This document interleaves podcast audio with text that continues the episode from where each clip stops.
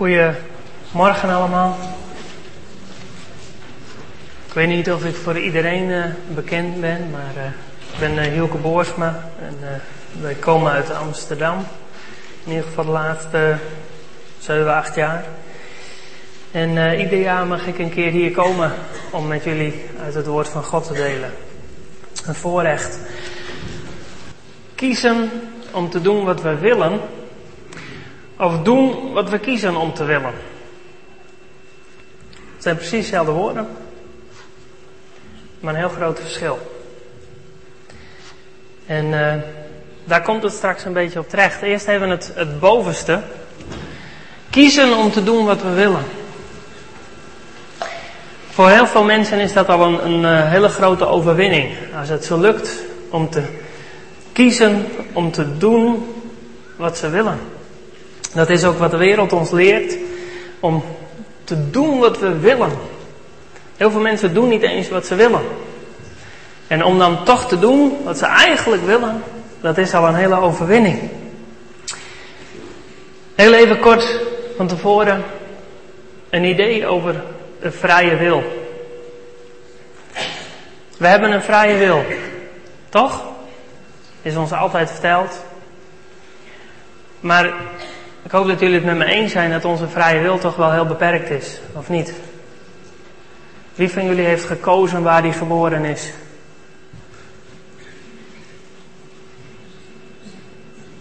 Of niemand luistert, of iedereen zegt nee, inderdaad. Ik had een verkeerde vraag natuurlijk gesteld ook. Wie van jullie heeft niet gekozen waar hij geboren is? Nou, de helft is aanwezig. De andere helft is er ook wel, maar dat moet nog wat meer komen. Onze vrije wil is best wel uh, beperkt. Eigenlijk is het idee van de vrije wil ook, ook wel een beetje een illusie. Tuurlijk hebben wij een stuk keuzevrijheid van God gekregen, maar er is ook ontzettend veel wat we niet kunnen kiezen. Je zingt een beetje of niet?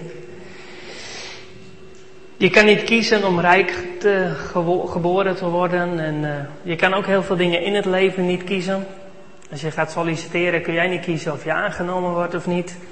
Je kan wel kiezen om te solliciteren, maar het is toch een beperkte keuzevrijheid. En de wereld die geeft ons een beetje als hoogste ideaal dat gebeurt wat wij willen. Dat is het eh, ultieme doel wat je kan bereiken in het leven, is dat je bereikt wat je wil dat datgene gebeurt in je leven wat jij wil. Maar ik denk dat de Bijbel heel anders daartegen aankijkt. Het gaat er eigenlijk helemaal niet zoveel om wat wij willen. Dat komt straks ook in die tweede naar voren. Dat we doen wat we kiezen om te willen. Want we zitten niet vast aan onze wil. We zijn geen, geen slaaf van onze wil. Ja, ik wil dat nou één keer. Dat hoeft niet. Wij kunnen kiezen wat we willen. In de Bijbel leert ons denk ik ook heel duidelijk dat het vooral gaat om wat we doen. En zelfs daar houdt het niet op, zoals we straks ook wel zullen zien. Ik wil uh, een heel aantal Bijbelgedeeltes met jullie lezen. Voor degene die een Bijbel uh, bij je hebt, hou de Bijbel maar gewoon in de buurt van Jesaja en Jeremia. Dan al het andere en ook dat komt allemaal op het scherm te staan.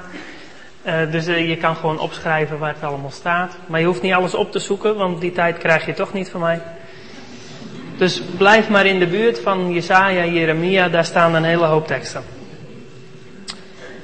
Beginnen met Jesaja 30, vers 15. In het stukje ervoor heeft God uh, door Jesaja heen het volk Israël een beetje op hun donder gegeven. Doet hij wel vaker, zeker als je die Bijbelboeken leest. Maar dan staat er hier iets heel moois. En ook iets heel niet moois erachteraan dan. Want zo zegt de Heere Heere, de Heilige Israëls. Door bekering en rust zoudt gij verlost worden. In stilheid en vertrouwen zou uw sterkte zijn. Dat is toch een prachtige mooie tekst. Zeker als je dat woordje zou, moet je er dan nog niet al te sterk in laten doorklinken.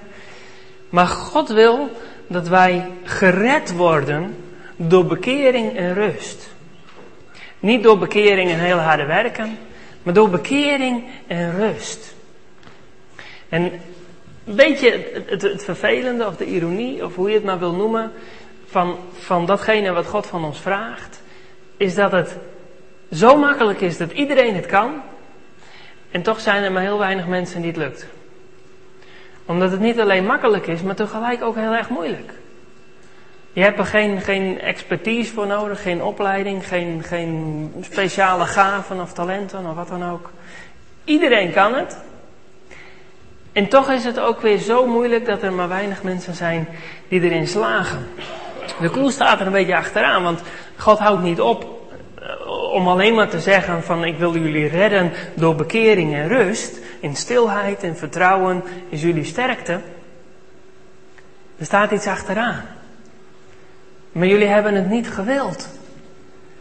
Het volk heeft ervoor gekozen om een andere weg te gaan, om het niet te doen zoals God het had gezegd. En daar zit nou net weer het probleem, dat de weg die God ons biedt, de oplossing die God ons biedt, die is net niet wat wij graag willen. Beetje, nou, toch nog maar wat extra's er doorheen. Beetje Naaman, hè? Die graag een moeilijke oplossing wilde voor zijn melaatsheid. Zeven keer onderdompelen in een vieze sloot, kom op, daar ben ik toch te goed voor. Of niet? Zo voelen wij ons ook wel eens te goed voor datgene wat God tegen ons zegt. God zegt, de oplossing is je bekeren en genieten van de rust die ik je wil geven. En toch is dat dan moeilijk voor ons. Gij hebt niet gewild.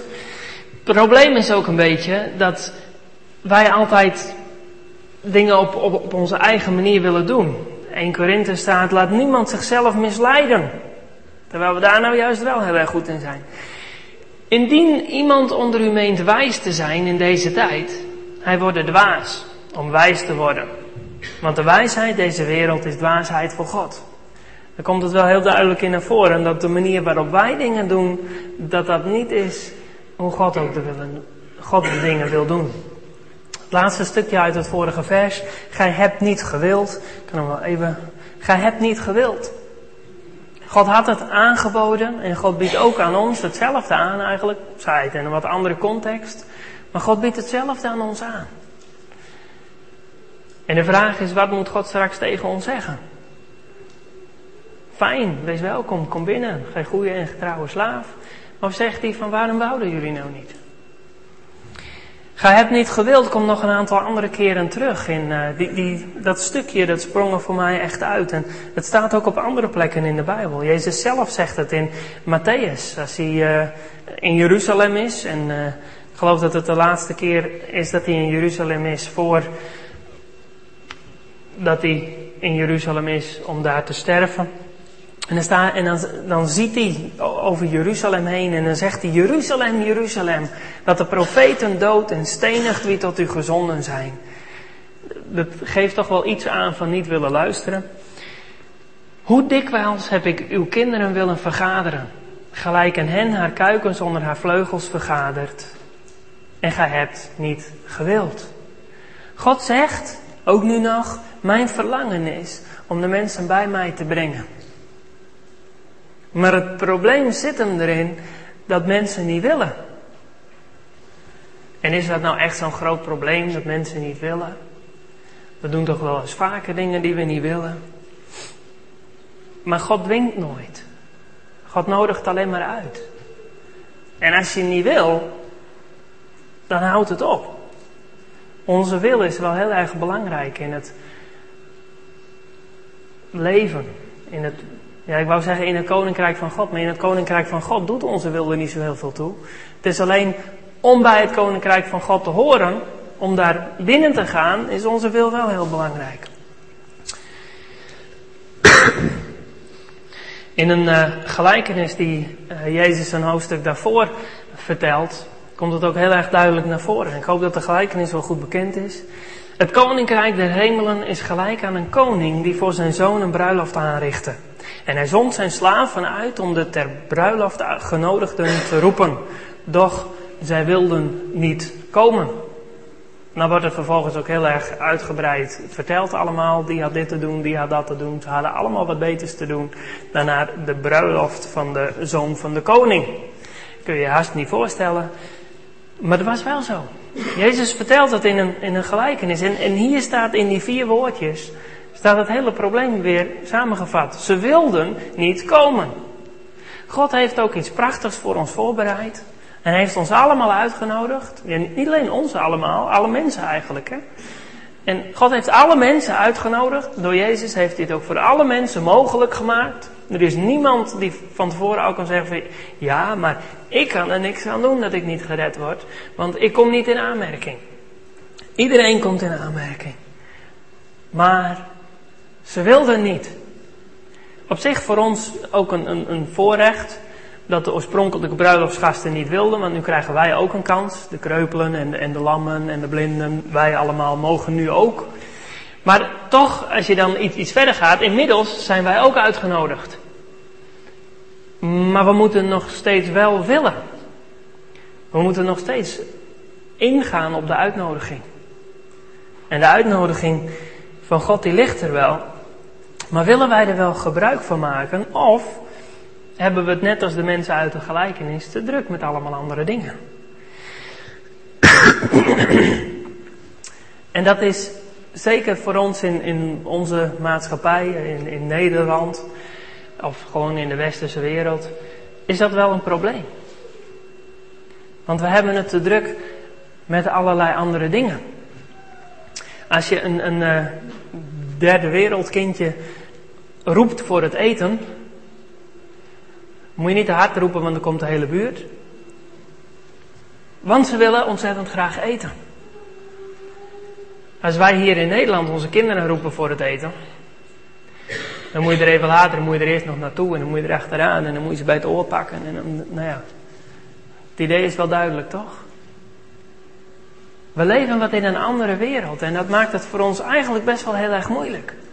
Want de dingen die God biedt, die zijn op een hele eenvoudige, simpele manier. Zodat het toegankelijk is voor iedereen. Maar we hebben zo ook onze eigen bezigheden, onze eigen dingen. God zegt bekering en rust. Blijf in mij, in mijn vrede. Neem mijn juk op u. Zachtmoedigheid, nederigheid. Allemaal van die hele simpele dingen. Wat iedereen kan. Maar wat zo lastig is om te combineren met de dingen die wij zelf willen. Jezus zegt niet voor niks dat het moeilijk is voor een rijke om het koninkrijk der hemelen binnen te gaan. En ik weet niet of jullie het allemaal doorhebben, maar jullie zijn heel erg rijk. Vergelijk je inkomen even met dat van de onderste helft van de wereldbevolking. Dan zit je op 10.000 procent. Dat is een hoop. Dus we zijn eigenlijk allemaal heel erg rijk. Dat betekent dat het moeilijk voor ons is om het koninkrijk van God binnen te gaan. De uitnodiging is er. Jezus toen hij op, in Israël rondging, zei hij overal al, het koninkrijk van God is dichtbij, binnen handbereik, zei hij. Geldt nog steeds, het koninkrijk van God is dichtbij. Ik hoop dat heel veel van jullie ook deel uitmaken van het koninkrijk van God. Dat we er in zekere zin in ieder geval al zijn. Maar voor alle mensen, ook om ons heen geldt, het koninkrijk van God is heel dichtbij. Maar het is moeilijk voor ons als rijken om daar ook binnen te gaan. Verder met Jesaja, hoofdstuk 65. Maar gij die de Heere verlaat, die mijn heilige berg vergeet, omdat ze te druk hebben met andere dingen, die voor gat een tafel aanricht en voor meni mengdrang schenkt, dat, dat is een, ja, voor ons misschien niet heel makkelijk te begrijpen uh, allemaal, want we weten niet wat het betekent, maar het gaat over afgoderij. En God zegt heel duidelijk, je kan niet het ene en het andere. Je kan niet met één voet in de wereld en met één voet in het koninkrijk van God, want dan wil God ons niet meer. God heeft ook nog een wil. En hij zegt, jullie zijn uitgenodigd, jullie zijn welkom bij mij, maar je moet wel voor mij kiezen. Niet een beetje en-en. Het is of-of. Ja. Ik zal u voor het zwaard bestemmen, zegt God tegen Israël. En gij zult allen moeten neerknielen om geslacht te worden. Wat een boodschap. Jezaja had het ook niet makkelijk. Om te preken. Maar ik ben vooral even heel geïnteresseerd in wat hier achteraan staat. Want daar staat namelijk waarom. Waarom kwam God tot zo'n enorme heftige beslissing? Dat is toch ook niet niks als, als God tegen een heel volk zegt: jullie moeten allemaal neerknielen om geslacht te worden. Wij kennen God toch als een liefdevolle vader, als een, ja, God is liefde. Hoe kan God nou zoiets zeggen? Omdat gij niet geantwoord hebt toen ik riep. En niet gehoord hebt toen ik sprak. Maar gedaan hebt wat kwaad is in mijn ogen. En verkozen hebt wat mij mishaagt. In Jesaja 66 staat hetzelfde gedeelte eigenlijk nog een keer een beetje. Een hoofdstuk later. Zoals zij hun eigen wegen verkozen hebben, en hun ziel, hun gruw, en hun ziel in hun gruwelen behagen schept, zo zal ik hun ongeluk verkiezen en dat wat zij vrezen over hen brengen. Dat is toch wel een, een heftige boodschap. En dan weer de vraag waarom? Nou ja, hetzelfde antwoord zo'n beetje. Omdat niemand geantwoord heeft toen ik riep. En zij niet gehoord hebben toen ik sprak, maar gedaan hebben wat kwaad is in mijn ogen. En verkozen wat mij mishaagt. Ik had aan het begin even staan kiezen om te doen wat we willen, of doen wat we kiezen om te willen. Nou, deze mensen die deden wat ze zelf kozen om te willen. Ze deden gewoon lekker wat ze zelf wilden. Ze gingen hun eigen weg. En is het nou zo verschrikkelijk erg, je eigen weg gaan? We kunnen toch goede keuzes maken? Veel gehoord argument van mensen die zich niet aan God over willen geven, maar ik leef toch goed? Ja, afhankelijk van je maatstaf. Alleen God hanteert een maatstaf die wij toch niet halen. En daarom kunnen we alleen maar via zijn weg het koninkrijk van God binnengaan. En niet door het raam, niet onder de muur door, niet eroverheen. Hoe kwam Mozes door de Rode Zee? We kennen allemaal manieren verzinnen om er toch in te komen, maar niet door de deur. En bij het Koninkrijk van God werkt het niet.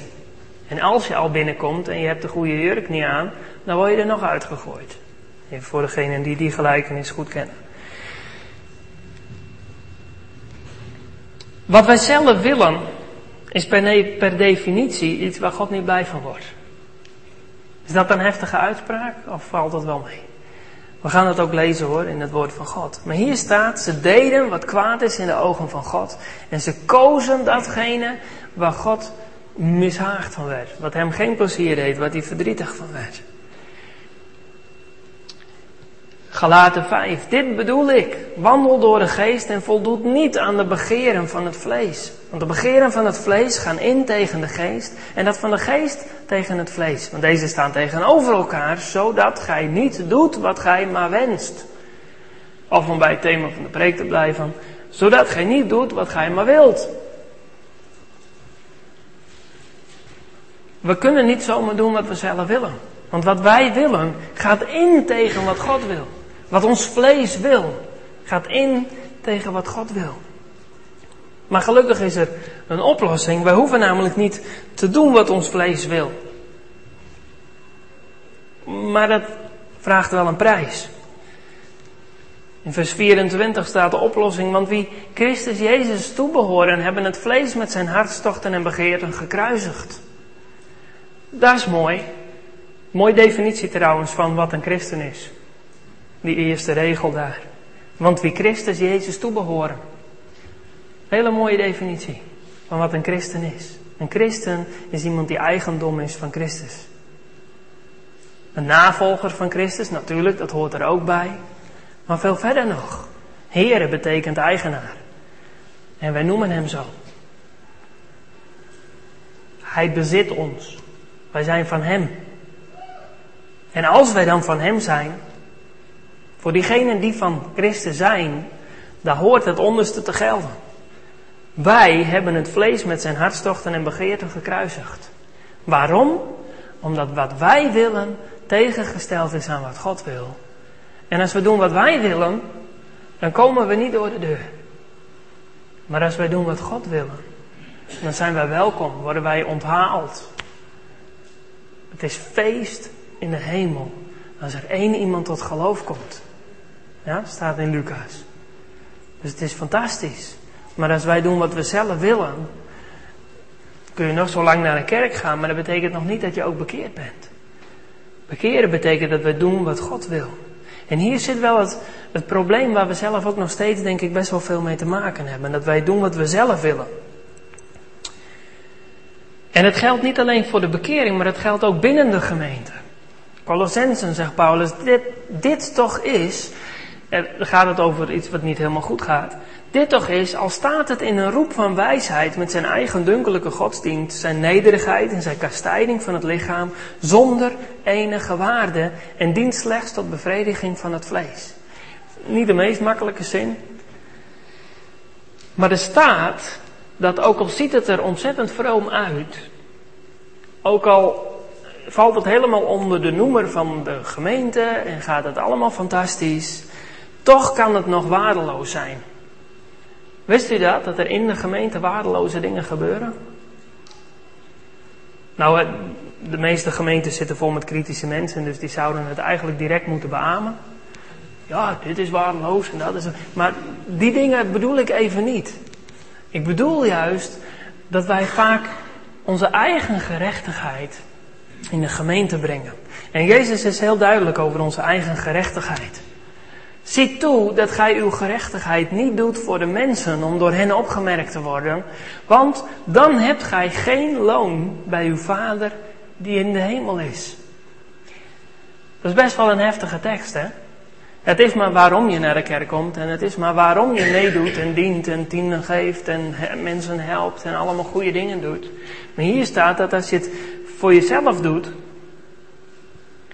dan heb je er uiteindelijk binnen het koninkrijk van God niks aan. En gelukkig gaat Jezus ook wat verder om, om een aantal voorbeelden te geven. Voorbeeld 1 in het volgende vers. Wanneer gij dan aalmoezen geeft, laat het niet voor u uitbezuinen zoals de huigelaars. Want dan heb je je loon reeds. Als je dus zegt van, ja, ik heb een anonieme gift gegeven van 10.000 euro aan de gemeente. Oké, dat werkt niet. En bovendien, zegt God, heb je dan niet gezaaid in de akker van je geest. Maar je hebt gezaaid in de akker van je vlees. Hoe kan dat nou? Ik heb toch geweldig goed gedaan. De gemeente kan voortbestaan vanwege mij. Nou, daar valt wel wat mee, want daar zorgt God zelf wel voor. Maar je kan dus hele goede dingen doen, terwijl je toch zaait op de akker van je vlees. Want het is maar waarom je het doet. En het gaat niet alleen maar om geven, het gaat ook om bidden. En trouwens, in, in alle drie de voorbeelden staat het woordje wanneer. Er staat niet als, voor degene die het verschil weten, tussen als en wanneer. Als is, mocht je het doen, dan is het nog niet altijd goed, zou het dan betekenen. Maar wanneer betekent, je doet het sowieso, want dat geldt voor iedereen die God toebehoort. Wanneer gij bidt, zult gij niet zijn als de huigelaars en uh, nou ja, flink veel opvallen en uh, vooral op het podium en vooral in de gemeente waar iedereen het hoort. Ja, thuis hoef je ook niet te bidden, hoort toch niemand. Nee, juist thuis is het belangrijk om te bidden, want wat wij in het verborgene doen, daar kan God ons voor belonen. Niet de dingen die we doen zodat iedereen het ziet, want dan hebben we ons loon reeds. Volgende, wanneer gij vast. Moeilijk punt. Maar als je dan vast, nee, wanneer je dan vast, doe het dan niet om flink op te vallen en om er flink over op te scheppen. Dat konden de fariseeën ook goed. Ja, ik heb deze week gevast.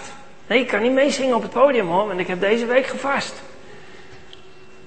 Dan heb je je loon reeds op aarde gehad. Eigenlijk zonde.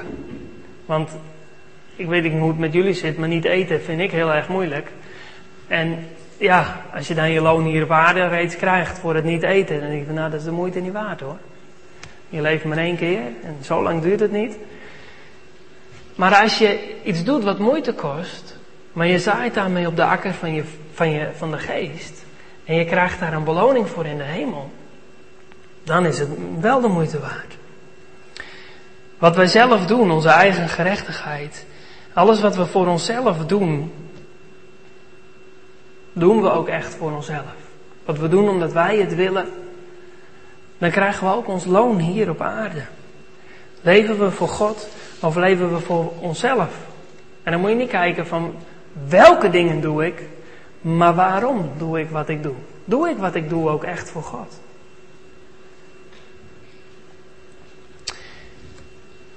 Jeremia 2. God legt even uit aan het volk Israël wat zijn plan was met ze.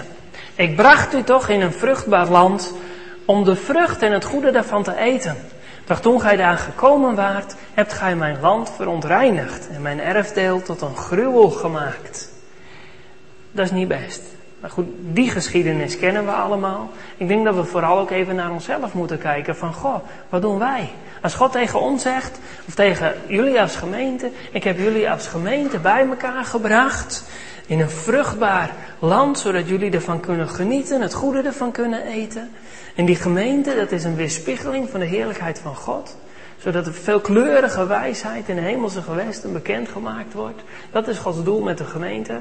En zo heeft God jullie ook, en het geldt voor iedere gemeente, maar zo heeft God jullie bij elkaar gebracht om een gemeente te zijn. En wat wordt er dan vervolgens van die gemeente? Want God brengt je bij elkaar. Hij, Jezus is ook het hoofd van de gemeente. Maar mensen hebben toch best wel veel invloed in de gemeente. Of niet? En dan vraagt God van ons, wat hebben we ermee gedaan? Hier wordt tegen het volk gezegd, de priesters zeiden niet, waar is de Heer? De priesters die zochten God niet. Want ze wisten toch al hun eigen plan. En zij die zich met de wet bezighouden, wilden mij niet kennen.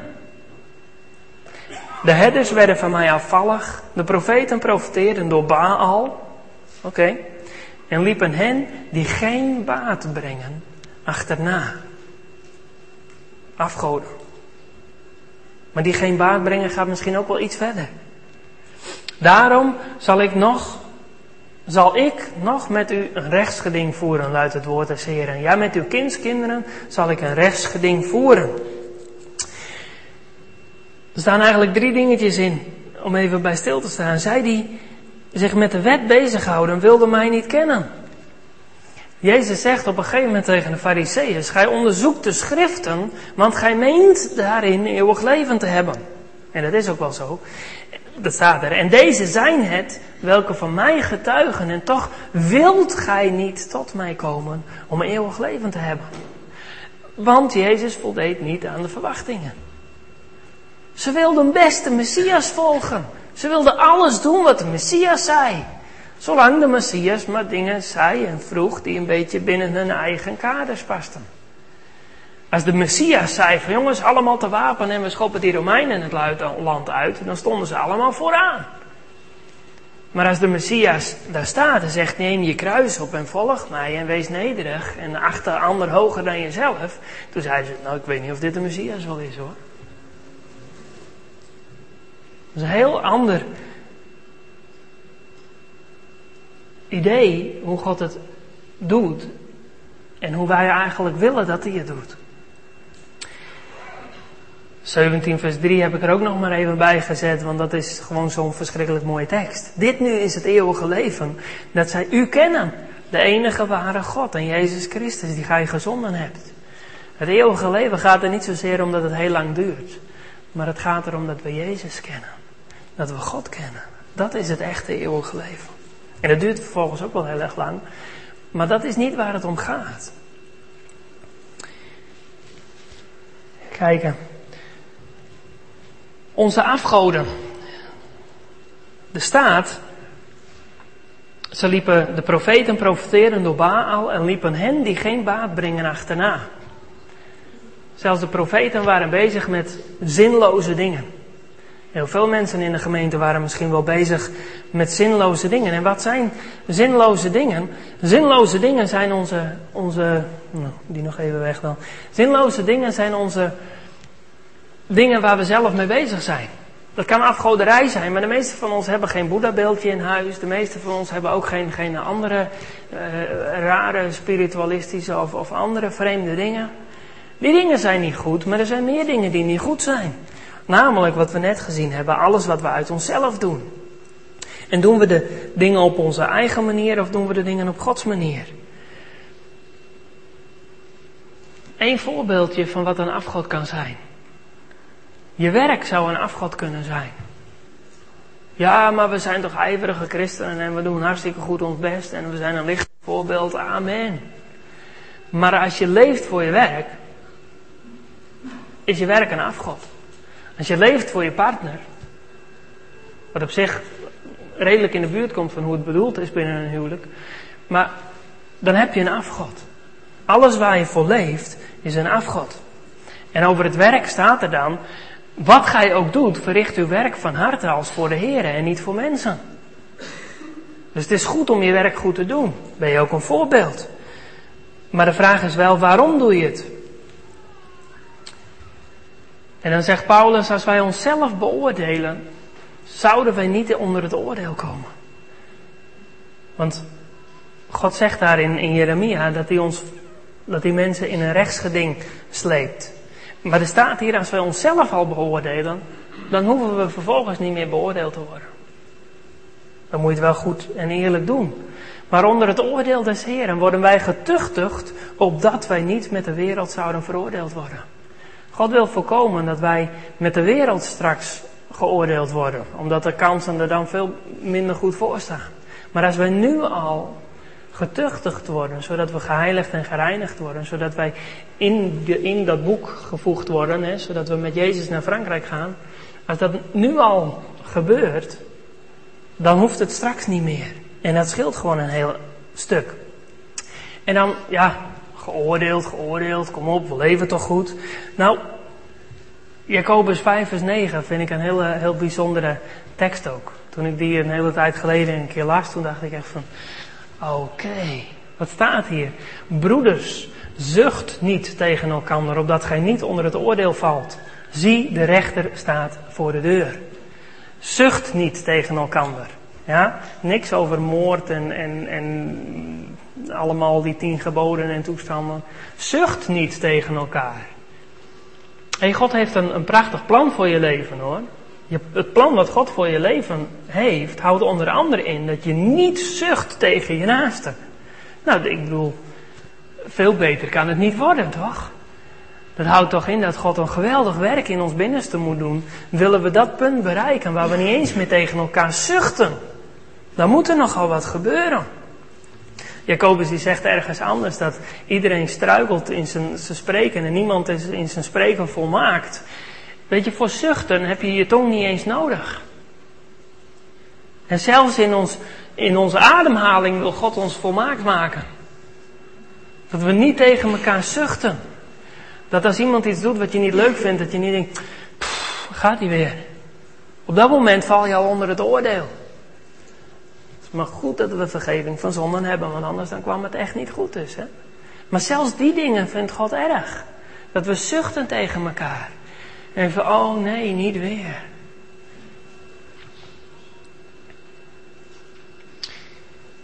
God wil ons in een rechtsgeding brengen. Daar waarschuwt hij in ieder geval voor. Maar we hebben de kans om te zorgen dat we niet bij de rechter terechtkomen. Even iets over God en, en een rechtsgeding. Als je op een gegeven moment naar de rechter moet tegen een gigantisch groot bedrijf, kun je nog tien keer gelijk hebben, maar je kan het net zo goed niet doen. Want ten eerste, zij hebben meer geld. Ten tweede, als je al wint, dan duurt het een jaar of zestig en heb je er niks meer aan. Maar God is niet zo. God is tien keer groter dan alle bedrijven bij elkaar. Ja, dan, dan zit ik nog veel te laag natuurlijk. Maar God is veel groter. Maar God maakt geen misbruik van zijn positie. God zegt niet van, ja, jullie winnen toch niet van mij, maar ik heb een betere advocaat. Heeft hij wel trouwens, maar die heeft hij aan ons gegeven. Dus daar hebben wij vooral heel veel aan. God is, is eerlijk. Zelfs Job, die een, uh, een rechtsgeding met God aanvroeg, heeft dat rechtsgeding niet gewonnen. Wist je dat? Hij heeft niet gewonnen. Hij kreeg wel dubbele van alles wat hij ervoor had en zo. Dus je zou zeggen, nou, goed rechtsgeding. Als je aan het eind twee keer zoveel overhoudt dan dat je ervoor had, dan heb je het goed gedaan. Maar waarom heeft Job het goed gedaan? Omdat hij zichzelf heeft overgegeven. De laatste regel hier. Daarom herroep ik en doe ik boete in stof en as. Job zei eerst, ik wil het rechtsgeding, want mij is onrecht aangedaan. En toen openbaarde God zichzelf en toen zei Job van, oké, ik heb voor mijn beurt gesproken. U staat volkomen in uw recht. En omdat Job zich vernederde, kon God hem verhogen. De weg omhoog is altijd jezelf vernederen voor God. Als je denkt dat het niet dieper kan, moet je jezelf vernederen voor God, zodat Hij je omhoog kan brengen.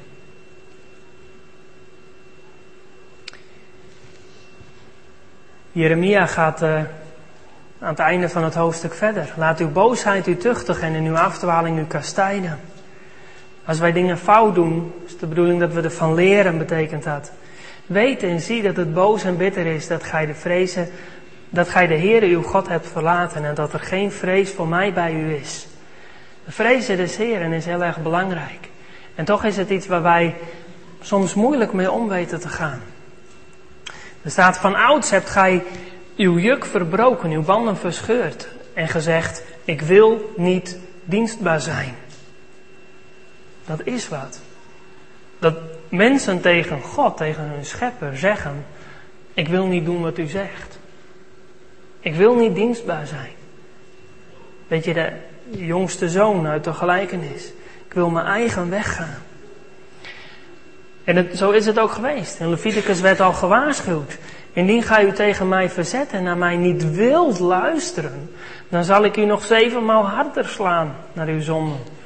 God had ze gewaarschuwd hoor. Maar als Mozes dan in Deuteronomium even terugblikt op de hele periode die achter hun ligt, dan zegt hij, gij wilt het niet optrekken en waart weer spannig tegen het bevel van de Heer uw God. Het gaat over toen ze het beloofde land in mochten en ze zeiden van ja goed, maar er wonen wel grote mensen omdat ze niet wilden, moesten ze 40 jaar rondzwerven en mochten hun kinderen naar binnen. Niet willen kan geweldig grote consequenties hebben in ons leven.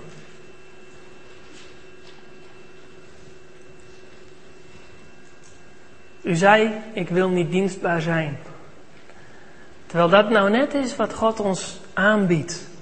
Een weg van dienstbaarheid. God zegt, als jij bereid bent om de kleinste te worden, dan til ik je omhoog. Dan breng ik je in mijn koninkrijk. De grootste onder jullie zal iedereen moeten dienen. En wie zichzelf verhoogt zal vernederd worden, maar wie zichzelf vernedert, die kan God verhogen. Dan krijgt God de gelegenheid in ons leven om zijn werk te doen, om zijn wil te doen. Dat is heel anders dan wat de wereld ons aanbiedt. In de wereld kom je op die manier nergens. Als je tegen die promotie zegt van nee, die hoef ik niet. Dan moet je niet denken dat je de week erop een nog hogere promotie krijgt. Grote kans dat je ergens anders werk mag zoeken. Maar bij God werkt het wel zo dat we zeggen van Heer, laat uw wil geschieden. Niet wat ik zelf wil, niet wat ik zoek, maar wat u mij aan wil bieden. De weg die u voor mij heeft.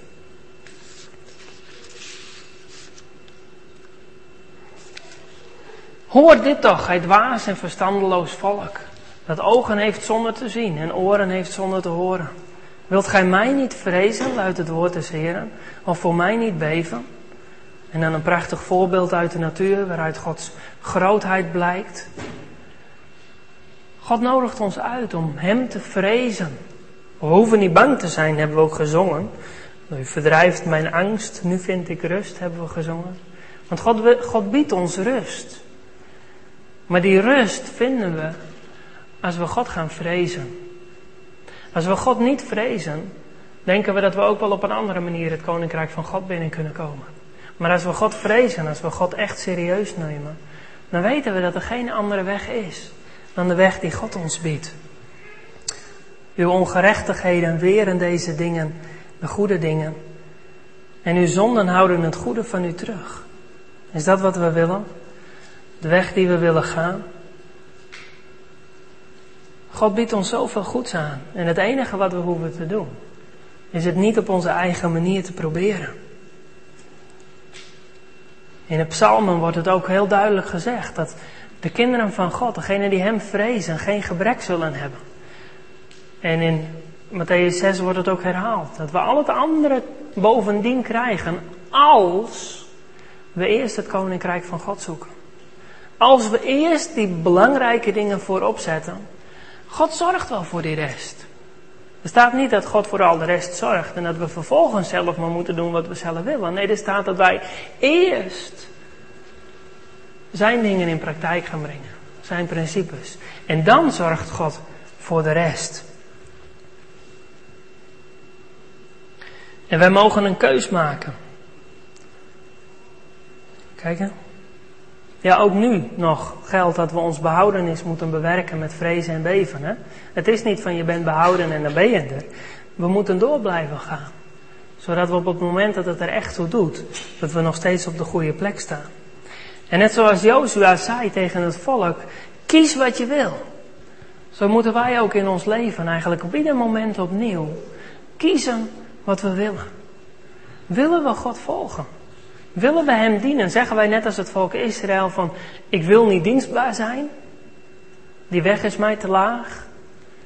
Onderdompelen in een vieze modderpoel, dat doe ik niet hoor. Daar ben ik te belangrijk voor. Of kiezen wij ervoor om God te dienen? Om Zijn weg te gaan?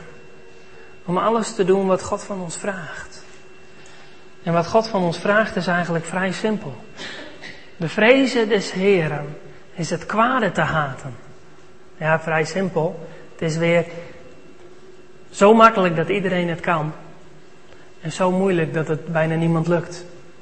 De vrezen des Heren is het kwade te haten.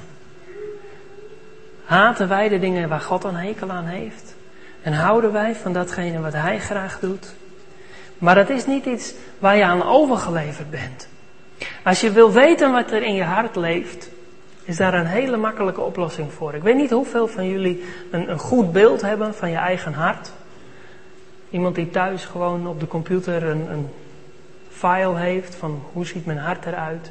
Nee, hebben ze nog niet uitgevonden. Ja, behalve dat kloppende ding, maar dat, daar heb ik het niet over.